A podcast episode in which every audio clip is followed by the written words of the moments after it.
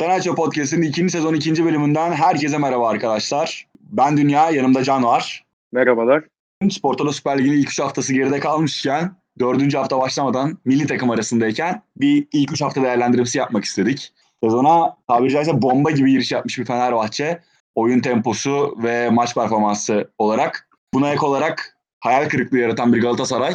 Fakat sonrasında yaptığı transferlerle gelecek için umut vaat ediyor taraftarlarına. Yine iki iç saha maçıyla başlamış. Yani 3 haftada iki iç saha maçı oynamış Beşiktaş. Bu süreçten 4 puan çıkarabildi. Bu da onlar adına olumsuz bir tablo. Ve sezonun plasesi belki Trabzonspor. Onlar da yine 5 puanla sezona başlangıç yaptı. Sürpriz şu ana kadar Alanya Spor. 3 maçta 3 galibiyet 9 puanla ligin zirvesine oturmuş durumdalar. Ben burada sözü sana bırakmak istiyorum.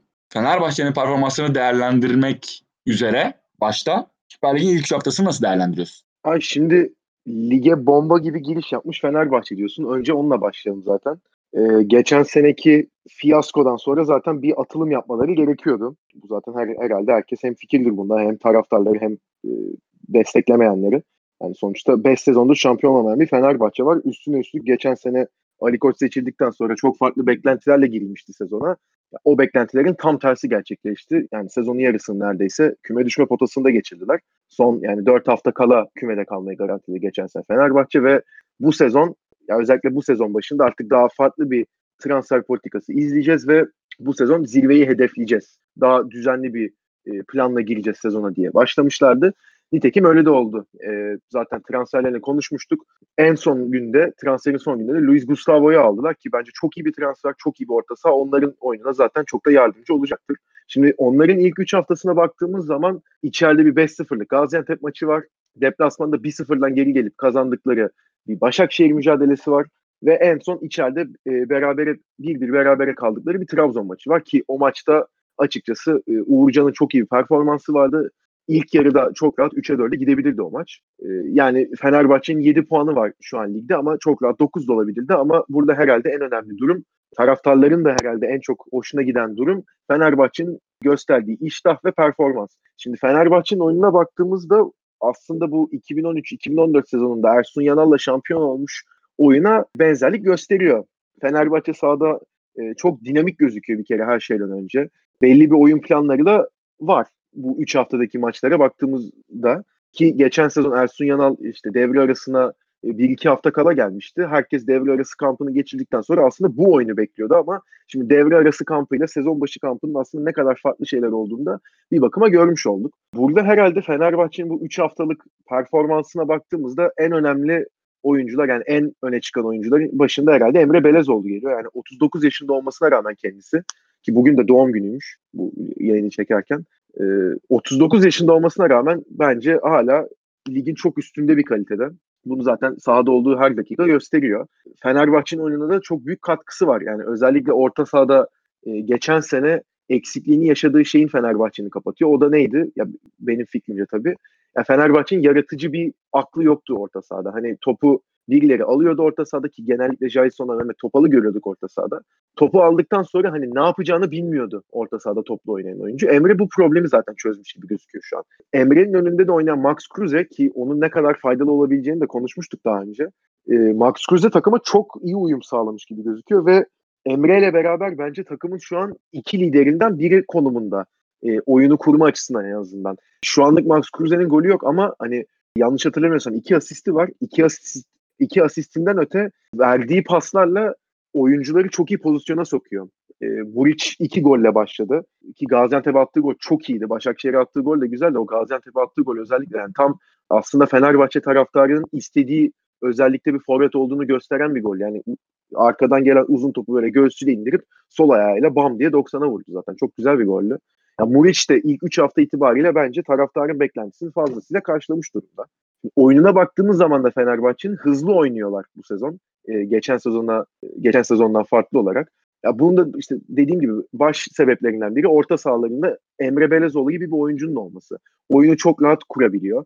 Burada esas pozisyonu sol bek olmayan Dirar'ın sol bekte oynadığını görüyoruz. Orijini sağ bek olan ama kaç sezon kaç senedir sağ bekte oynamayan Ozan Tufan'ın da sağ bekten çok iyi iş yaptığını görüyoruz. Yani Emre'nin orta sahada bulunması o bekleri de oyunun içine kattığın zaman Fenerbahçe bir anda 7 kişiyle 8 kişiyle zaten gelebiliyor rakibinin üstüne.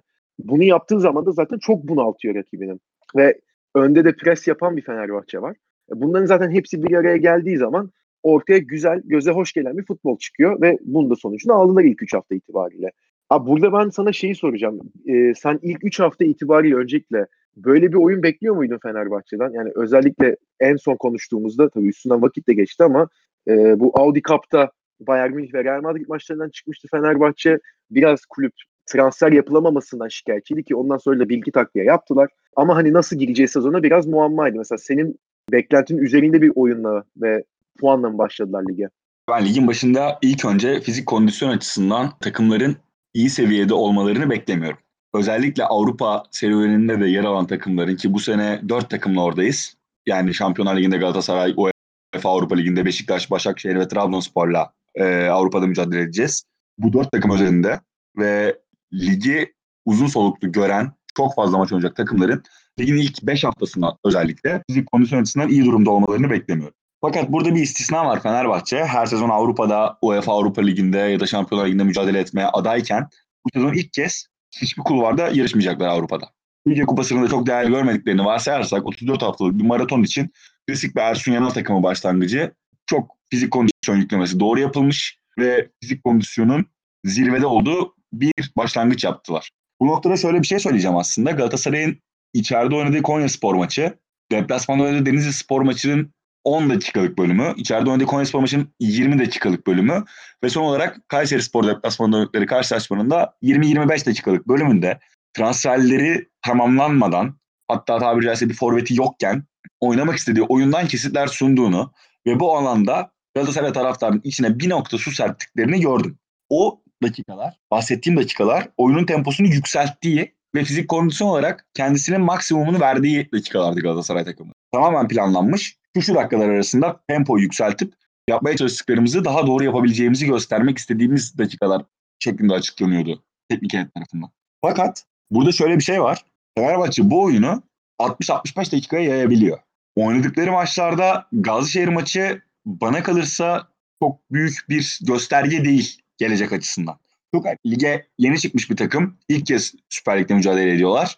22 transfer yapmış bir takımdan bahsediyoruz. Birbirlerini belki sahada tanıyorlar. Bir hazırlık maçı oynayarak oraya geldiler. Ve belki de normal şartlarda Süper Lig'in en zor deplasmanlarından birine çıkıyorlar. 5. dakikada, 10. dakikada ve 18. dakikada kazandıkları 3 penaltı Fenerbahçe'nin tamamen Gazişehir'in oyundan düşmesine sebebiyet verdi. Yani burada demek istediğim haklı haksız asla bunlar değil. Tamamen Galatasaray takımının Fenerbahçe için nasıl bir gösterge olmadığının açıklaması. Bu maçın belki de bu kadar erken kopmuş olması. Fakat Başakşehir deplasmanı Fenerbahçe'nin oynamak istediği, oynayacağı oyun için doğru göstergeler sundu. Çünkü oyunun temposunu sürekli arttıran, bahsettiğin gibi Emre Belözoğlu'nun rolünü çok doğru şekilde yerleştiren ve kanat aksiyonları, hücum aksiyonları sürekli yer değiştirerek oynayan bir takım. Fizik kondisyon olarak 80. dakikaya kadar oyundan tam anlamıyla düşmemiş bir takım. Ersun Yanal'ın belki de sezon boyu istediği bir sistem, bir yerleme tarzı. Ve baktığım zaman Kruse'nin, Emre'nin, hatta bana kalırsa Geri Rodriguez'in ve özellikle özellikle Vedat Muriç'in şu an için o sisteme çok uygun olduğunu düşünüyorum ben. Şu an kurdukları düzen e, işliyor. Fakat Başakşehir maçının da bir kırılma anı var. 65. dakika olması lazım. Vişya'nın kaçırdığı ikinci gol hatta şöyle söylemek gerekiyor belki. Fenerbahçe kalecisinin Altay'ın çıkardığı mükemmel pozisyon. O pozisyondan sonra Fenerbahçe yeniden oyuna ortak oldu ve çok doğru bir oyun oynamaya başladı o dakikadan itibaren yine. Maçın başında oynadığı oyuna geri döndü. Maç olan inancını arttırdı. Zaten ondan sonra iki gol bulup da oradan galibiyetle çıkmayı başardı. Son 3 sezon özelinde Opta'nın verilerine göre Fenerbahçe en fazla gol fırsatı yakaladığı maçları oynadı bu sezon şu ana kadar. Gitgide arttırdılar ve en son 8 net gol fırsatıyla Trabzonspor karşılaşmasını tamamladılar ki bu rakam son sezonun en yüksek rakamı Fenerbahçe'de. Burada aslında açıklamasını yapıyoruz ama söylemek istediğim şey Fenerbahçe için işlerin yolunda gittiği şu anda. Taraftarı, takımı şampiyonluğa doğru yani bu tabii ki çok erken bunları konuşmak için ama bu yolda en azından biz bu yarışta varız dedirtecek noktayı buldu Fenerbahçe şu an için. Audi Cup zamanı bunları konuşmamıştık. Tabii Audi Cup için yani düşündüğümüz zaman Bayern Münih, Real Madrid, Tottenham bunlar şu an için ülkenin açık ara farklı şampiyon olabilecek bir takım olsa dahi pek rakip olarak görebileceği takımlar değil. Nitekim hazırlık kamplarını o teknik ekiplerle, o oyuncu kalitesiyle çok daha entegre ve hızlı geçiriyor bu takımlar. Fenerbahçe'nin ben orada yanlış bir strateji uyguladığını düşünüyordum açıkçası. Çünkü özgüveni olmayan bir takımın zaten özgüveni yokken bu kadar farklı mağlubiyetler alması, bu kadar fazla karesinde gol görmesi onları moral motivasyon olarak sezon başlangıcında çok etkileyecek gibi hissediyordum. Şu an için beni haksız çıkardılar. İşler yolunda gidiyor Fenerbahçe adına. Buradan ligin son şampiyonu Galatasaray'a geçmek istiyorum açıkçası. Sen Galatasaray'ın ilk 3 haftalık performansı için ne düşünüyorsun?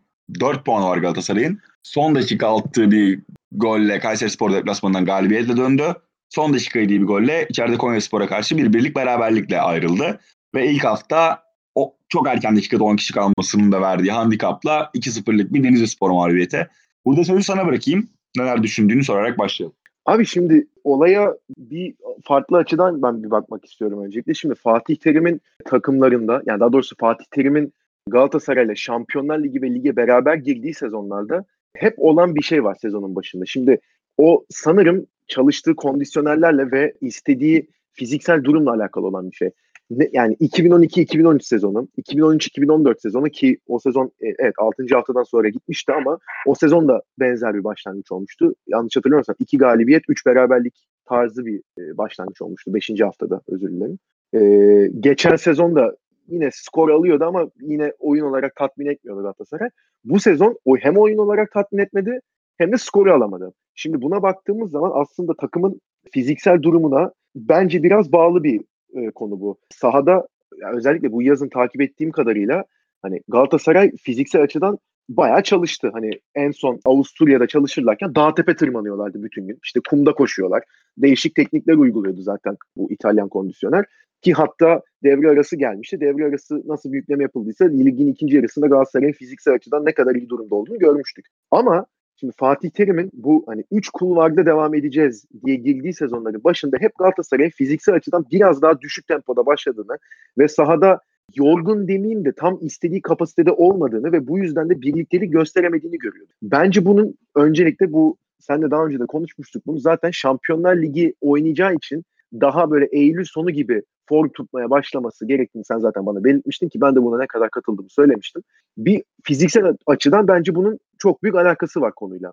Yani e, daha geç açılacak takım ki e, daha uzun süreli bir fizik kondisyonu barındırabilsin ve sezonun daha geniş bir bölümünde kullanabilsin. Mesela Fenerbahçe açısından daha farklı bir durum var. Çünkü hani Türkiye Kupası'na ne kadar önem verirler bilmiyorum ama öncelikleri bu sene şampiyon olmak ligde bu yüzden de daha farklı bir oyun sergilemek zorundalar. Bu yüzden de sezona zaten fiziksel açıdan çok yeterli girdiler ve zaten haftada bir maç oynayacakları için o bu kondisyon durumu onları uzun bir süre götürür zaten. Ama Galatasaray'da durum farklı. Haftada 3 maça çıkacak bir yerden sonra oynanan maça dedi ki hani fikstür açısından da işte atıyorum Fenerbahçe ile oynanıyor sonra Real Madrid ile Paris'te içeride oynanıyor sonra Beşiktaş deplasmanına gidiyor gibi hani karmaşık fikstürleri de var. Yani işin fiziksel açısı bence bu. Bu yüzden bir kere zaten fiziksel açıdan e, sahada hazır durmuyorlar. Ben bu ayın sonunda açıkçası daha bir fiziksel açıdan hazır bir Galatasaray göreceğimizi düşünüyorum.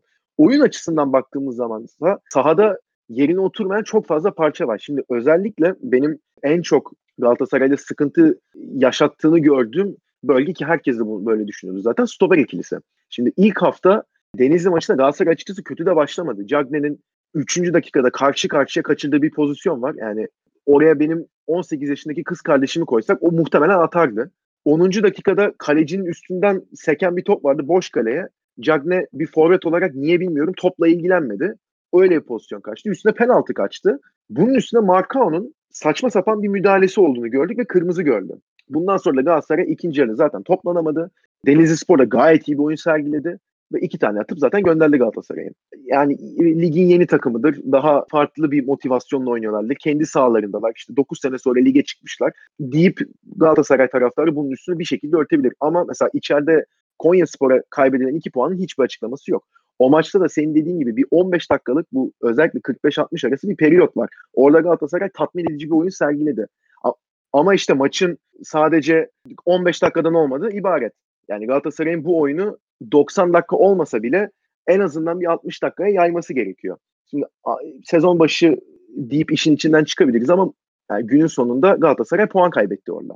Ki hani 96 artı 6'da yenilen bir gol var. O da yani hani absürt bir gol açıkçası. Hani Donk resmen Konya Sporlu oyuncuya aldı at diye verdi oradan. Kayseri Spor maçında da yani ilk yarıda yine tatmin eden bir durum yoktu. Ve ilk yarıda yine bu yenilen ilk golle Luyendama'nın çok aptalca bir hatası vardı. Yani hani defansta stoper olarak oynayan bir oyuncu, son adam olan oyuncu bir anda arkasında sanki 3-4 kişi varmış gibi geriye saçma sapan bir kafa topu attı ve Galatasaray yani direkt oradan golü yedi. Yani bu savunmadaki düzensizlik açıkçası takımı da etkiliyor gibi biraz sanki. Yani ben öyle düşünüyorum en azından. Ama bunun yanında seri sezona hiç iyi girmedi ki Konya Spor maçında da kırmızı kart gördü. iki maç oynamayacak. İlk maçını Kayseri Spor deplasmanında çekti zaten. Ondan istediği katkıyı alamadı Galatasaray. Bununla beraber ben Enzonzi'yi çok beğendim. Çok sağlam duruyor sahada ve takımın oyununu da çok rahatlatıyor. Özellikle bu Fernando'nun ilk geldiği vakitteki gibi stoperlerin arasına girip top alması çok öne çıkıyor ve oyunun savunma açısından da çok destekliyor. Bunun haricinde tabii Galatasaray'ın hani pozisyona girmekte biraz sıkıntı çektiğini görüyoruz. Orada esas problem hani oyun kaynaklı mı yoksa forvette duran kişi ile kaynaklı mıydı? Onu biraz daha farklı okumak gerekli bence. Mesela Kayseri Spor deplasmanında ilk yarı 1-0 yenik kapamış bir Galatasaray varken ikinci yarıya Fatih Terim Cagney'i çıkarıp Emre Mor'u sahaya sürek başladı. Mesela bu zaten biz de maç sırasında konuşuyorduk. Hani çok aslında alışıla gelmiş ve beklenen bir değişiklik değildi. Yani baktığımız zaman takım 1-0 geride. Takımın for yani belki çift forvete dönebilecekken Galatasaray teknik direktörü Fatih Terim takımın tek forvetini çıkarıp kanatta oynayan Babel'i forvete sürdü ve o şekilde Galatasaray daha bir iyi oynadı hatta baktığımız zaman.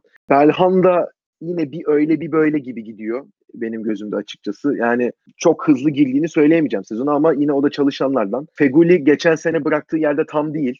Ama onun da ben zamanla form tutacağını düşünüyorum. Çünkü hani zaten çok kaliteli bir oyuncu ve geçen sezonun ikinci yarısında özellikle hani oynadığı zaman neler yapabileceğini zaten herkese göstermiş durumda. Şimdi burada kritik olan bence yeni gelen yani transferin son gününde yapılan dört tane transfer var ama o dört transferin üçü bence çok kritik. Taylan Antalyalı ne kadar süre alır bilmiyorum açıkçası ligde. Ama ben hani açıkçası Selçuk İnan'ın sağdaki halini gördükten sonra yani umarım Taylan'ı görürüz sahada diyorum. Yani, yani Selçuk olmasın, Galatasaray 10 kişi oynasın gerçekten hiçbir şey fark etmez. Zaten o duruma gelmiş durumda artık. Bunların dışında şimdi bir Lemina transferi var. Lemina'nın ben e, açıkçası Galatasaray'a çok büyük yani oyununa özellikle orta sahada çok büyük katkı yapacağını düşünüyorum. Yani Enzonzi'nin defansif durduğu vakitlerde daha böyle dinamik, hani git gel yapabilecek bir oyuncuya da ihtiyaç var orta sahada. Seri böyle bir isim değil. Seri daha pasa dayalı, daha e, sakin oynayan, oyunu geriden kuran bir oyuncu. Ben açıkçası Enzonzi, Belhanda, Lemina üçlüsünün bu sezon Galatasaray'ın orta sahası olacağını düşünüyorum. Özellikle de ilk 3 haftaki oyuna baktıkça. Yani orta sahada öyle daha dinamik bir isme bence Galatasaray ihtiyaç duyuyordu ve e, tam aslında aradığı tipte bir adamı da bulmuş oldu. Andone yedekten bence çok büyük katkı verebilir Galatasaray'a. Daha böyle geçen sezone baktığımız zaman mesela Mitroğlu Cagney ikilisi vardı. Bu sezon yedekten Andone gibi bir opsiyon olacak Galatasaray'ın ki çift forvette de gayet partneriyle iş yapabilecek bir durumda Andone. Gol atabilecek bir durumda. Bence Fatih Terim onu e, bayağı kullanacak. Ama bunlardan tabii en yani en önemlisi Falcao geldi. Şimdi ben hani burada zaten ikimiz de Cagney'i kaç ay eleştirdik. Hani senin zaten çok güzel bir e, betimlemen vardı. Sağda topuklu ayakkabıyla yürüyor gibi demiştin.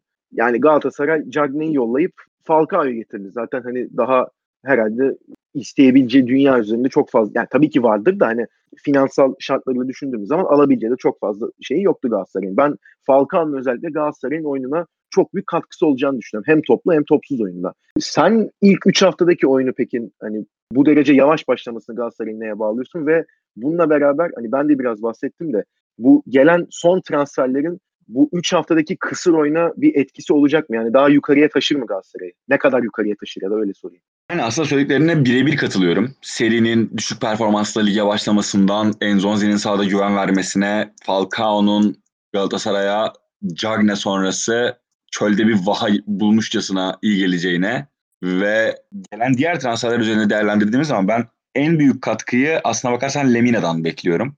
Çünkü Lemina Galatasaray'ın oynamak istediği o kanat değişikliklerinden yararlanan sürekli boşluk arayan, özellikle iç saha karşılaşmalarında o açamadığı oyunu topla dribling, topla dribling yapabilen, tempoyu yükselten ve fizik olarak da güçlü bir oyuncuyla daha kolay gerçekleştirebileceğini düşünüyorum. Evet sana hatta ben söylemiştim bu Fatih Terim'in uzun vadede fizik kondisyondan yararlanmak istediğine. Ben bunun içinde ilk milli takım arasının yani şu an oynanan milli maçtan sonraki önümüzdeki hafta oynanacak lig maçlarıyla yükselen performansın ikinci milli takım arasından sonra da zirveye ulaşacağını düşünüyorum. Tabii bu arada çok kritik bir Bruges deplasmanı oynayacak Galatasaray. Karşısında Cagne olacak. Takımın birbirine uyum kazanması yeniden bir zaman alabilir. Çünkü kolay değil. Yani Belhanda'nın yeniden bir bel sakatlığı olduğu konuşuluyor. Eğer lig maçı kaçıracaksa bu sefer burada Taylan oynayacak belki de. Ya da Seri ile Mina Enzonzi oynayacak ki bu oyuncular da birbirleriyle oynamaya alışkın değil. İç sahada oynayacakları Kasımpaşa maçına taraftar desteğine çok ihtiyaçları var. Oradan çıkartacakları bir 3 puan onları lige yeniden entegre eder. Ligde 100 sıralara tırmandırır ve moral motivasyon olarak da ileriye daha güvenle bakmalarını sağlar. Tabii hiç konuşmadık şu ana kadar ama bu karşılaşmada kulübede olmayacak da bir Fatih Terim var. Bu da ciddi bir problem. Şu an çok konuşuluyor, çok eleştiriliyor. Çünkü ya ben objektif olarak bir şey söylemem gerekirse Fatih Terim'in bu sefer bu cezayı hak edecek bir şey yapmadığını düşünüyorum. Tekrar futbola dönecek olursak evet dediğin doğru. Belhanda'nın şu anda stabil seyreden bir performansı var. Yeniden geçen sezonun sonunda battığı kadar göze batmıyor. Yine de idare eder. O olmadığı zaman Galatasaray maç kazanamıyor. Feguli geçen sezon bıraktığı yerde değil. Ama yine bence takımın en iyilerinden. En fazla isteyenlerinden. Başka marka oyunda mı ikilisi? Yani geçen sezonun sonunda bu iki oyuncuyla yola başlayacağız. İlk 11 için stoper transferi yapmayacağız denilse Galatasaray, Galatasaray taraftarının açık ara kabul edeceği bölge stoper bölgesiydi. Yani yedek oyuncu elbette herkes isterdi. Fatih Terim de istiyordu. Fakat ilk 11'deki iki oyuncumuz bu olacak. %100 bu oyuncularla yola çıkacağız denilse ben kimsenin bir şey söyleyeceğini düşünmüyorum. Orada şöyle bir durum var. Luyendama takıma geç katıldı. Demokratik Kongo ile oynadığı Afrika Kupası sonrası. Seri de hakeza öyle. Belki serinin performans düşüklüğünün en büyük sebeplerinden bir tanesi de budur. Kamp yemedi takımla beraber. Fakat Marcao'nun hiçbir açıklaması yok. Takımla beraber kamp sürecinde beraberdi. Kampta kötü performans sergiledi konuşuldu ama çok dillendirilmedi. Fakat lige başladığı Denizli Spor maçında yaptığı amatörce hata yani nasıl söylemek gerekiyor aslında? Şöyle geçen sezon Marcao'nun hata yaptığı maçlarda Galatasaray topu ağlarında gördü. Erzurumspor deplasmanında Benfica maçında ciddi stoper hataları yaptı Marka. Pozisyon alma olarak olsun, zamanlama hatası olsun. öyle ya. Yani yaptığı her bireysel hata gol oldu geçen sene. Yani iki, Bu üç hataları tane yapmaya müsait bir oyuncu. Ama yaş olarak da aslında çok genç. Yani zaten Türkiye Ligi'nde tamam hani ben bunu sevmiyorum. Bu kalitesizleştirme, değersizleştirme durumundan hoşlanmıyorum. Fakat Marcao'nun bu hataları yapmayanı ve sol ayakla bu kadar net bir şekilde oyun kurabileni zaten Türkiye Ligi'nde bu yaşta olmuyor. Yani bu oyuncuları Tabii. Avrupa'nın 5 büyük liginden bir takım kadrosuna dahil ediyor. Kullanmıyorsa bile kiralıyor. Ama burada Türkiye Ligi'nde geçen sezon sergilediği performans çok dikkat çekti. Çok iyi bir performans sergiledi bana kalırsa. Bu sezonda geçen sezon sergilediği performansa doğru konsantrasyon ve doğru çalışmayla yeniden ulaşabilecek kapasiteli bir oyuncu marka. Yani neler yapabildiğini gösterdikten sonra bunları yapamaması hayal kırıklığı uğrat hayal kırıklığına uğratıyor.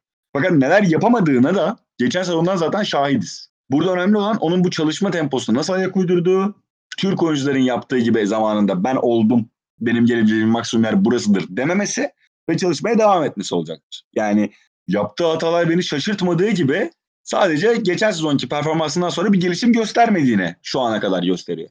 Aynen öyle. Bu ikili uzun vadede Galatasaray'a çok şey katabilir, çok şey de götürebilir. Yani Marcao'nun yaptığı bir hatayla Galatasaray Avrupa'dan elenebilir. Yine maçta. attığı derin bir topla çok ciddi bir galibiyet de çıkartabilir. Aynen öyle. Çok haklısın. Ne kalırsa Galatasaray'ın en büyük problemi bu arada stoper hattı değil. Hatta şu ana kadar da değil de. Galatasaray'ın en büyük problemi bekleri. Doğru. Yani doğru. Yaş olarak ciddi anlamda ilerleme kaydettiler artık. Mariano'da, Nagatomo'da.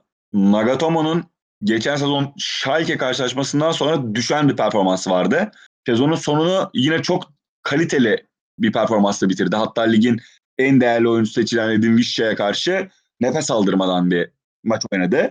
Fakat yine de büyük arenalarda, büyük maçlarda özellikle hücum katkısının çok minimize olmasıyla ve önünde geçen sezonki gibi ona çok fazla savunmada yardım eden ve yaptığı ara koşularıyla ciddi skor opsiyonu yaratma fırsatı doğuran Onyekuru'nun olmaması, onun yerine daha statik oynayan, daha içe kat eden forvet gibi oynayan Babel'in olması onun defosunu daha fazla açığa çıkarttı. Mariano üzerinde konuşacak olursak ben Mariano'nun hücum katkısını hala beğeniyorum. Fakat onun da geçen sezonun başından beri gösterdiği savunma zaafları katlanarak devam ediyor. E bu da uzun vadede belki tamam iç sahada oynayacakları, kapalı savunmaya karşı oynayacakları karşılaşmalarda çok fazla ortaya çıkmayacaktır. Kendini göstermeyecektir. Ama Avrupa arenasında ve oynayacakları büyük maçlarda asla ve asla güven vermiyor. Üstüne üstlük bu da yetmezmiş gibi 15. transferini, 15. yabancı transferini yaptığı için Galatasaray belki de tabii ki gerekliydi. Mutlaka bir forvet yedeği olmalıydı. Mutlaka bir orta saha yedeği olmalıydı. Ve bunların kaliteli isimler olması gerekiyordu. Fakat bir orta saha rotasyonu oluştururken belki de burada joker oyuncusu hem sağda hem solda oynayabileceği Martin Lines'ten vazgeçiyor Galatasaray. Ya bu ne kadar yanlış akıl kârı, hamle. ne kadar akıl kârı bunu konuşmak gerekiyor. Fakat hocanın da yani Fatih Hoca'nın da sol tarafta sol ayaklı oyuncu, sağ tarafta sağ ayaklı oyuncu oynatma talebinin ne kadar yoğun olduğunu biliyoruz. Yani ilk geldiği zaman da kadrosunda Lines vardı. Devre arasına kadar Lines'i kullanarak idare etti genellikle. Lines orada iyi performans gösterdi. Hatta Nagatomo'nun yokluğunda da geçen sezon iyi performans gösterebilirdi. Gösteriyordu da bazı maçlarda. Fakat buna rağmen Nagatomo'nun yokluğunda oraya Emre Taşdemir hamlesi yapıldı. Sadece ve sadece sol ayaklı olduğu için ve Lines'e güvenmediği için sağ ayaklı olduğu için. E bu noktada da. Hocanın kararının Lines'in sözleşmesinin dondurulmasından yana olduğuna hemfikiriz. Sözleşmesinin son senesinde oynuyor bu arada Nagatomo. Hatta Mariano bildiğim kadarıyla ikisi de. Ben de öyle biliyorum. Bu, bu şekilde baktığımız zaman da işleme ikisinin de satılmaya açık olmadığını görüyoruz. Yani gösterecekleri performans tabii ki hepimizi şaşırtabilir. Ama devre arasında satmadığı zaman Galatasaray bu iki oyuncuyu da sene sonu yollarını zaten ayıracak. Orada şu düşünülmüş olabilir. Gelecek sezon kadroya, kadroya geri dönecek Lines. Eğer ki şu anda transfer penceresi açık olan liglerden birine kiralanabilirse full sezonu oynamış ve zinde bir oyuncu olarak yeniden takımın yer rotasyon ya da ilk 11 oyuncusu olarak takıma geri dönebilir. Yani bu da düşünülmüş olabilir. Fakat back rotasyonunda ya evet daha hiç forma giymemiş sahada bir Şener Özbayraklı hamlesi de var Galatasaray'ın. Onu da düşünmek gerekiyor. Belki ligin şaşırtan Türk oyuncusu da Şener olur bu sezon. Yani Fenerbahçe'de gösterdiği performans kötü asla değildi Şener'in. Çok yüksek maaşı vardı. Aynen öyle. Galatasaray'da da çok yüksek bir maaşa oynamıyor. Aslında çok da uzattık, uzattık biraz. İstiyorsan bir kısa bir Beşiktaş değerlendirmesi alalım. Çünkü onların da fakat Burak Yılmaz'dan kaynaklanan oyun opsiyonlarındaki darlık onların puan kayıplarına ulaştı. Yani onlarda çok fazla konuşacak da bir şey yok aslında. Galatasaray gibi şok bir başlangıç Sivas deplasmanında iç sahada Göztepe galibiyeti. Fakat aynı Fenerbahçe'nin Galatasaray galibiyeti gibi çok bir şey ifade etmiyor.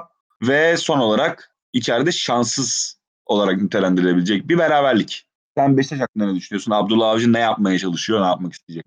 Abdullah Avcı e, kendi bildiği ve en iyi oynattığı oyunu oynatmaya çalışıyor zaten. Beşiktaş'ta ilk 3 haftanın bence özeti bu. Yani o oyunun hemen oturmayacağı belli ki e, istediği profilde oyuncular da e, zaten geç katıldı. Hatta hala bence eksikleri var. Ama daha farklı bir şey deniyor. Yani geçen sezon özellikle geçen sezon da değil hatta yani 4 sezon boyunca e, Şenol Güneş vardı takımda ve bu il- ilk iki senesi zaten şampiyonlukla geçmişti. O iki senelik şampiyonlukta Beşiktaşlar direkt, direkt oynayan bir oyun. Yani çok hızlı oynuyorlardı. Paslaşarak hemen karşı kaleye gitme. Yani aslında baktığın zaman bence muadil olarak hani Liverpool'u gö- yani gegenpress oynamıyorlar tabii ki ama hani atakta o hızı yani aslında muadili o oyun. Tabii ki Liverpool kadar iyi oynuyor gibi bir şey? Yani o kadar iyi takımlar demiyorum ama hani bence e, onun bir muadiliydi. Ondan sonraki iki sezonda da daha biraz daha farklılaştı oyun ve daha hani orta kafa gol gibi bir oyuna dönüldü. Özellikle Quaresma'nın e, bu üçüncü senesinde Şenol Güneş'in Quaresma'nın çok orta yaptığı ve Talişka'nın Babel'in orada ilk yarısında da sezonun Cenk'in içeriye çok fazla girip çok fazla kafa golü attı veya kafayla topu indirip gol attığını görüyorduk. Geçen sezon daha inişli çıkışlı performans sergiledi Beşiktaş ama ligin ikinci yarısında özellikle Laiç ve Burak'ın e, performanslarıyla yine e, daha pozisyona giren ve daha hızlı oynayan bir takıma evrilmişlerdi. Abdullah Avcı bunun bir kere tam tersini deniyor. Başakşehir'le oynadığı gibi daha hani ben yüzde 65-70 topa sahip olayım, sakin olayım.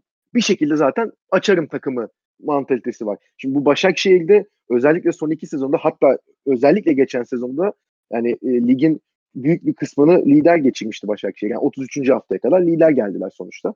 Başakşehir niye bu kadar işe yaradı? Bir, Başakşehir'le çok uzun süredir çalışıyor e, Abdullah Avcı ve istediği transferler yapıldıktan sonra kademe kademe atladı zaten. Hani ben Bu oyuncu istiyorum, bunu istiyorum. Elimde Vişça var, işte Emre var, Mahmut var, Epriano var.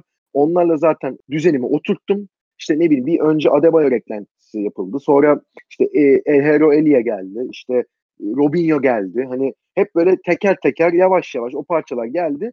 Geçen sezonda e, zirve noktaya ulaştı zaten performansları. Ha ligin sonunda yetmedi. Yani kapanan takımları açamadılar orada. Orada tabii hani oyunun iyiliği kötülüğünden başka daha farklı işte taraftarlar şudur budur faktörler var. Onlar tabii ayrı. Beşiktaş'ta bunu deniyor Abdullah Avcı izleyebildiğim ve algılayabildiğim kadar. Ama tabii başta dediğim gibi bu süre alacak bir süreç. Hani öyle bir günde hani sonuçta oyun oynamıyoruz. Ha tamam ben şeyi değiştirdim. Pas yapacağım kendi aramda. Öyle yani öyle olmuyor. Beşiktaş'ın transferlerine baktığımızda bir kere dediğim gibi Abdullah Avcı bu oyun sistemine daha uygun kişiler almaya çalıştı ve ben Beşiktaş'ın yaptığı işte 7 transfer var. Bu 7'sinin de açıkçası ilk 11'e girebileceğini düşünüyorum. Hatta direkt ilk 11 oynayabilecek transferler yaptı aslında Beşiktaş baktığımız zaman. Yani işte Laiç bonservisi alındı. O zaten öyle. İşte Enkudu geldi. Sol kanatta Abdullah Avcı'nın istediği gibi daha hani bir kanadı daha pasör kullanıp diğer kanatta hızlı bir oyun yani hızlı kanat forvet gibi bir oyuncu kullanmak istiyor. İşte Victor Ruiz alındı stopere. Ayağı iyi bir stoper sonuçta baktığımız zaman ki ben Vida Ruiz ikilisinin ligin şu an en iyi ikilisi olduğunu düşünüyorum stoperde. Tyler Boyd alındı, alındı. Ankara gücünde iyi bir performans sergilemişti. Onun da sağ kanatta yine de ayağına daha hakim yani kendi vişçasını aslında yaratacak gibi bir beklenti vardı. Çok olmadı şu anlık ama ona da süre verileceğini düşünüyorum. İşte Reboço alındı sol beke. Daha asist üzerine dayalı ve daha pasa dayalı bir oyuncu. Caner'den farklı olarak Caner daha sonuçta ortayla pozisyon yaratmaya çalışan bir oyuncu. Ee, Orada bir araya girmek istiyorum aslında söylediğin şeyde. Geçen sezonun Tabii. sonlarına doğru hangi maç olduğunu hatırlamıyorum. Abdullah Avcı'nın oyun sistemini tanımlarken yaptığı bir açıklama var. Dedi ki, bunu net hatırlıyorum. Biz beklerimizi içeri çekmeye çalışan bir takımız. Bunu bizim ligde hiç evet. kimse yapmıyor. Ve bu bana sistemsel olarak Atletico Madrid ve Barcelona'nın da kullandığı hatta City'nin de geçen sezon kullandığı bir taktik olarak lanse edildi. Ve ben bunu bu takıma uygulamaya çalışıyorum. Klişi ve, Klişi ve Kaytsara bu sistemi uygulayabilmek için doğru isimler demişti. Şimdi Reboşo'nun yani transfer konuştuk biz bunu. Adını bile duymadım. Belki de hakikaten buna çok uygun bir oyuncudur. Fakat Douglas'ın da buna uygun olduğunu eminim. Belki yeniden o beklerin tekrar içeri girip oyun kurduğu, stoperlerin dışarı çıktığı bir sistem kurmaya çalışıyor olabilir. Ama Victor Ruiz buna uygun değil. Buna eminim. Yani yok doğru haklısın. İşte bu e, özellikle ilk 3 haftada bu dediğini zaten kanıtlayacak şekilde Caner'i öyle kullanmaya çalıştı. Hani Caner'in bayağı orta sahada topla buluştuğunu gördük hep. Yani hani Caner sol bekten bindirme yapmadı. Yani bir iki kere yaptı zaten mesela en son Rize maçında e, bir orta yaptı da zaten gol oldu da genelinde ama bu 3 haftanın Caner'in bayağı ön libero gibi oynadığını gördük. Yani hakikaten içeriye bekleri sokup daha hani onların pas yeteneğiyle onlar da pas yapacak şekilde e, bir oyun sergilemeye çalışıyor mesela ama hani Caner buna uygun değil. Şimdi Gaboço'yu ben de açıkçası hani bir iki highlight videosu izledim de öyle olmuyor tabii ki. Yani Fransa 2. liginden geldi de yani bir şey vadeden oyuncu olarak gözüküyor en azından. Hani asıl sayıları şunlar bunlar. Ki sağ bekede hani Gökhan Gönül oynuyor ama oraya da Douglas alındı. Douglas mesela geçen sene sağ açık olarak yarısında sezonu geçirmişti Sivas Spor'da. Ayağına o da çok hakim. Daha o da içe kat edip içeriye pas çıkarabilen bir oyuncu. Ben yani takıma belki daha uyum sağlayamamıştır ama Douglas'ın formayı alacağını düşünüyorum. Gökhan Gönül'e göre.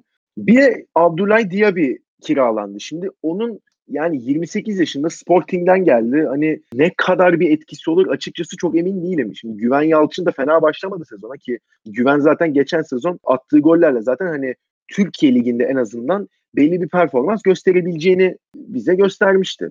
Ama yani hani şimdi e, Burak da sakatken Beşiktaş'ın birinci forveti güven mi olur? O biraz tabii tartışmaya açıktı ama hani baktığımız zaman Abdullah Diaby de yani kanat forvet gibi kullanılıyor ama hani geçen sezonu da hani iki golle bitirmiş. Şimdi hani bu kadar pasa dayalı bir oyun oynanacaksa forvette bitirici bir isim olması gerekiyor bence. Yani geçen sezon mesela İlmanlara başlamış bu arada ya bildiğim kadarıyla. Ve dönüşü yakın süreçte geri dönmesi bekleniyormuş. Evet zaten hani Ağustos başı gibi sakatlandı. İşte bir ay yok denmişti. Muhtemelen milli maç arası sonrası dön haftaya döner gibi duruyor. Belki iki haftaya döner onu bilemiyorum tabii de. Yani şimdi Buran olmadığı vakitlerde yani Diaby mi onun yedeği yani güven mi çok emin değilim yani güven açıkçası Diaby'den daha nasıl diyeyim güvenilir bir opsiyon gibi duruyor. Çok hani izlediğimde bir oyuncu değil diye açıkçası ama hani gol rakamlarına baktığım zaman beni tatmin eden bir tablo çıkmıyor ortaya. Hani sol kanat olarak da kullanılmış çok ama yani iki golle bitirmiş geçen sezon. Tam 6 asisti var. İyi bir rakam 6 asisti. 2 golle hani bu ligde geçirmez ki dediğim gibi geçen sezon Başakşehir'de hani Vişça gol yükünü çekti de forvetteki oyuncunun gol atamaması zaten onların son 7-8 haftada sıkıntı yaşamasına sebep oldu. Yani Robinho forvette deneniyordu geçen sene. Abdullah Avcı Robinho'dan istediği run, şeyi hiç alamadı.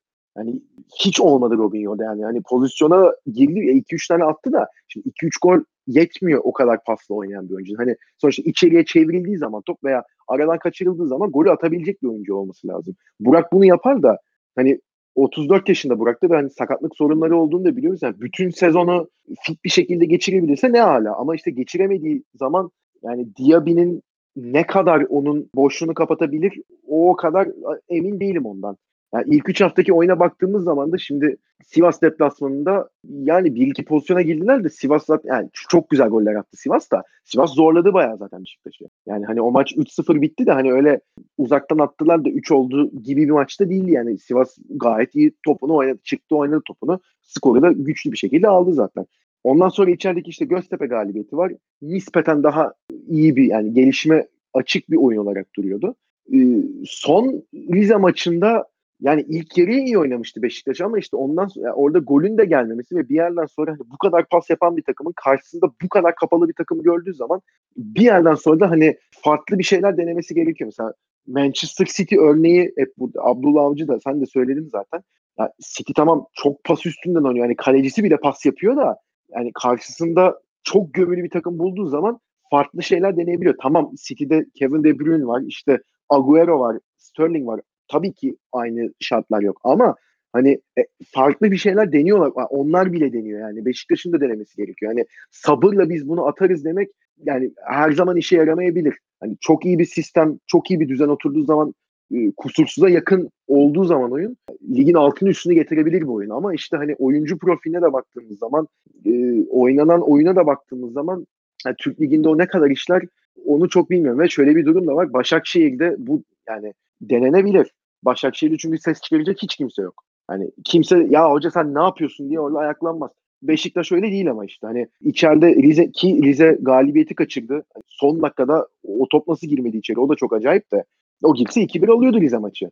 Ama hani bu hadi Rize ilk 3 hafta peki bir alışkanlık süresi. İçeride oynanacak mesela önümüzdeki iki maçtan da iki beraberlik çıksa veya bir mağlubiyet çıksa bu sefer homurlanmalar başlayacak. E artık tamam hani 7. hafta 6. 7. haftaya geldik. Ne oluyoruz diye taraftar ayaklanır burada. Yani şartlar da farklı. Beşiktaş taraftarı ne kadar sabır gösterecek o bence gösterecekler o ayrı da. Yani Abdullah Avcı'nın da oyun sisteminin hani bu milli takım arasında bence ligde en çok sevinenlerden biridir. Hani o en azından oyun düzenini daha iyi anlatıp yeni gelen oyuncularla da daha iyi bir e, harmoni yaratabilir sahanın içinde diye düşünüyorum. Yani sana katılmakla beraber bu Abdullah Avcı'nın sürekli biz deneyelim, sabırla golü bulmaya çalışalım oyun planının içinde e, işine yarayacak oyuncular transfer ettiğini düşünüyorum. Orada hiç adını almadığımız şu ana kadar Enkudu'nun Rize maçındaki performansı bence o kadar da kötü değildi bir ilk maç performansına göre. Hatta ondan gerekli verimi alabilir. Henüz skor katkısı verememiş bir Tyler Boyd var ki bana kalırsa ligin ilerleyen sürecinde iyi bir performans gösterecek. Burada bana kalırsa Beşiktaş'ın ligdeki ilerleyişini, bu seneki sıralamasını, şampiyonun yarışında olup olmamasını takımın milli takım arasından sonra oynayacağı 2-3 karşılaşmada alacağı skorlar ciddi oranda belirleyecek. Yani gerçekten Abdullah Avcı kurduğu optimal düzende takıma skoru aldırabilir ve bu sayede üst sıralara tırmandırabilirse taraftarın da desteğini arkasına alarak o kurduğu düzen içerisinde yine şampiyonluk için kafayı oynayabilir Beşiktaş. Fakat bu ilk 3 haftadaki 4 puanlık hüsran özellikle içeride iki maç oynamış bir takım için ilerleyen 2-3 haftada devam edecek olursa Burak Yılmaz'ın gelişi 2-3 hafta daha gecikirse ve ciddi pozisyonlardan yararlanamadığı için bu hüsrana uğrarsa evet Beşiktaş taraftarı sabreder. Daha önce Slaven Bilic zamanı da sabretti. Başka başka hocaları varken de Tayfur Avutçu zamanı da sabretti. Birçok sezon sabretmeyi bildi Beşiktaş taraftarı. Fakat bu sezon hüsran olarak sonuçlanır maalesef onlar adına. İstiyorsanız son birkaç söz Trabzon, Trabzonspor için söyleyelim. Yusuf Yazıcı'yı gönderdikten sonra bu sezon özelinde onlardan pek umutlu olmadığımızdan bahsetmiştik ama Avrupa Ligi'nde gösterdikleri performans ve lige girişleri özellikle tamam çok fazla gol fırsatı verdiler. Özellikle ilk yarıda Fenerbahçe'ye ama buldukları fırsatlar, attıkları gol ve devamında buldukları fırsatlar aslında Kadıköy'e belki de Kadıköy'de galibiyete en fazla yaklaştıkları sezonlardan birinde yaşadıklarını söyleyebiliriz. Yani ne kadar mağlubiyete yakınlarsa galibiyete de galibiyete de yakınlardı. Bu da onların bu sezon için özellikle hücum aksiyonlarında korkulan bir ekip olduğunu gösteriyor. Korkulacak bir ekip olduklarını gösteriyor. İyi bir kalecileri var. İyi bir hücum, iyi hücum oyuncuları var. Vakayeme'nin yükselen performansı devam ediyor. Ekuban iyi bir oyuncu. Alexander Sörloth kuvvetli fakat ilk maçlarında verdiği olumlu izlenimi son 2-3 karşılaşmada birazcık yok etti. Onun için ben zaman lazım diyorum Ekuban Sörloth transferinde. Tabi oraya yerleşecek henüz daha hiç forma giymemiş bir Staric de var. Yani Staric, Falcao, Luis Gustavo ciddi anlamda bu ligde dengeleri değiştirecek oyuncular. Yani ligin ilk 3 haftasında en az yara alarak çıkan takım Fenerbahçe oldu. Ama onların da en çok yer alan takımla aralarında 3 puan fark var. Yani, yani Sherlock olmaya gerek yok şu dakikada bu, bu, bu ligin altından daha çok sular akar demek için ama diğer tarafta baktığın zaman da şu ana kadar gördüğümüzden apayrı bir senaryoda izleyebiliriz. Bir sonraki milli takım arasına kadar oynanacak maçlarda. E tabii canım. Ben sana bunu özel konuşmalarımızda da söylüyorum sürekli, dile getiriyorum. Klasik Ersun Yanal sistemiyle oynayan bir Fenerbahçe. Fakat hücum opsiyonlarında belli başlı değişiklikleri gitmişler bu sezon.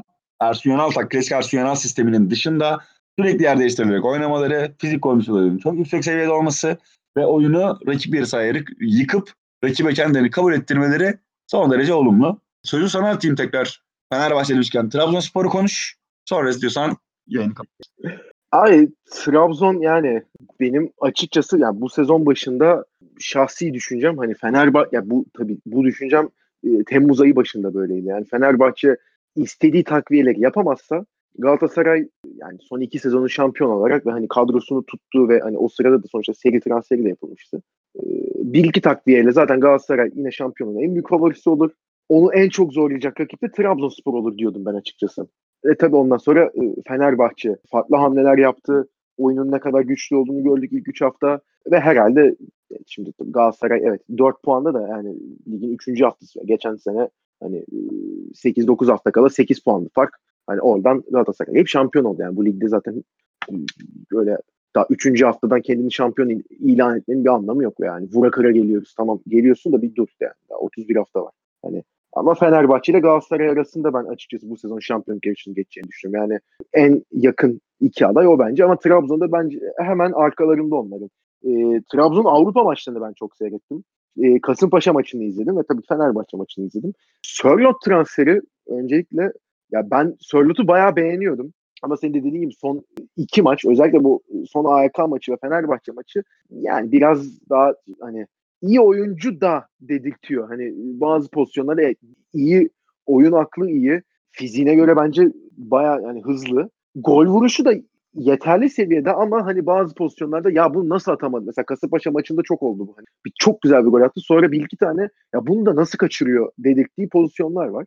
Ama şimdi hani tabii senin de dediğin gibi unutmamamız gereken bir hani Staric faktörü var. Staric şu an hazır durumda değil belki fizik olarak ama hani geldiği zaman yani ligi 30 gole de bitirebilir. Hani 30 haftada 30 gol atabilir. Hiç yani gayet olası bir durum bu. Staric'den bahsediyoruz çünkü 28-29 yaşında o da hani şey öyle 35 yaşında gelmedi sonuçta Staric. Hani e, Sörlot olmazsa e tamam deyip hani Staric'i koyarlar zaten forvete. Takıma adapte olursa da e, o kanatlarla ve o hücum opsiyonuyla bayağı gol atar. Burada Trabzon'un bence sıkıntı yaşayacağı nokta yalnız bugün açıklandı. Abdülkadir Ömür menisküsünde yırtık var ve 5-6 ay sahalardan uzak kalacağı söylendi. Şimdi bu bir kere önce zaten ona geçmiş olsun da yani yazık oldu tabii. Tam hani Yusuf gitmiş artık tamam bu takımın işte 10 numarası hani bu takımın tabiri caizse Messi'si Abdülkadir olacak derken yani böyle bir sakatlık yaşaması gerçekten çok talihsiz. Hem kendi adına hem de Trabzon'da da bu genç yaşında.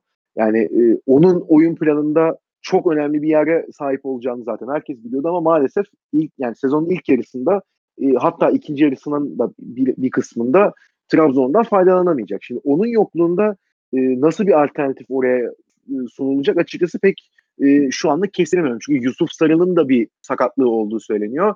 Avdia'yı aldılar. O da hani çok inişli çıkışlı performans sergiliyor. Zaten hani çok büyük beklentiler vardı birkaç sene önce ilk çıktığı vakit.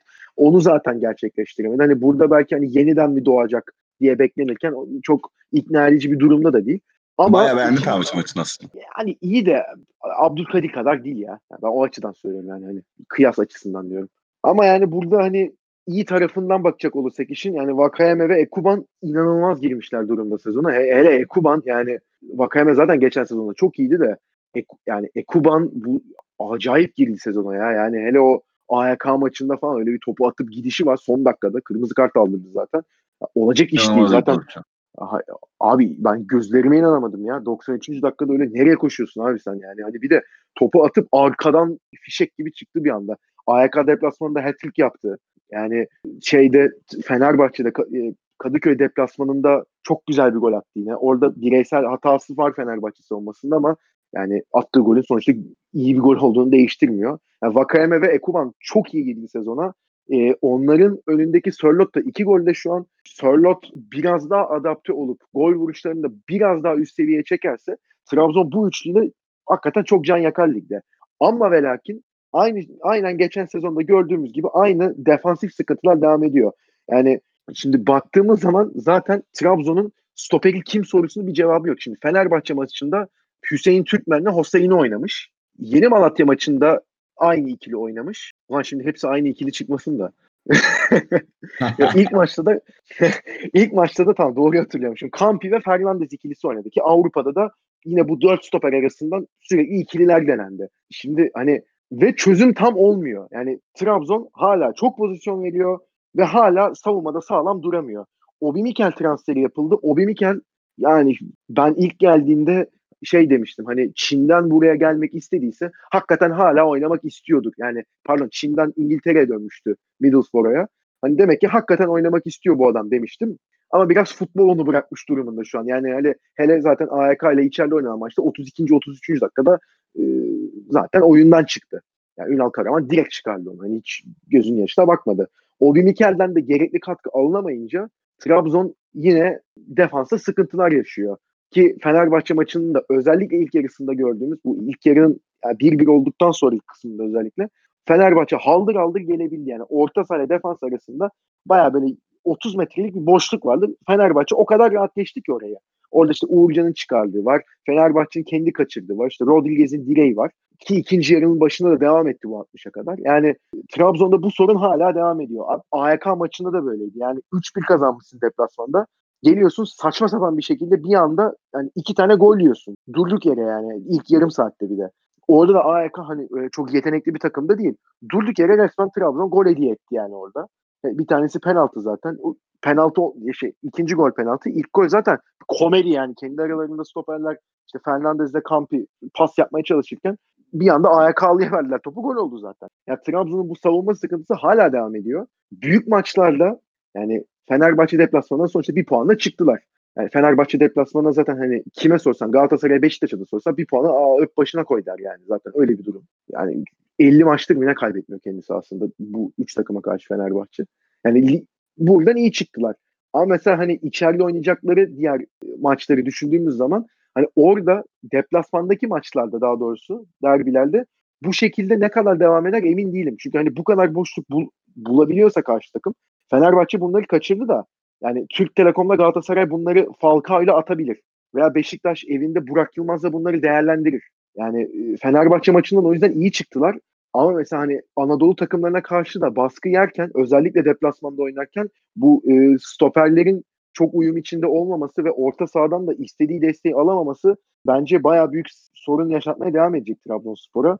Ama hani yani yediğimden daha fazlasını atayım mentalitesiyle oynuyorlar gibime geliyor biraz. Hani onu oturturlarsa hakikaten öyle devam ederse de ben yani üçüncülük için en güçlü adayım benim şu an Trabzonspor ama hani ilk ikiyi de zorlaması açıkçası çok sürpriz olmaz bir yerden sonra.